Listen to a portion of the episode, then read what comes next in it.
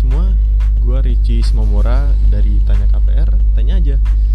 Jadi platform ini sebagai wadah bagi kalian nih yang ingin tahu dan bertanya-tanya tentang apa sih itu KPR, terus kenapa harus KPRan, lalu gimana sih cara memilih KPR terbaik, dan sebagai lainnya yang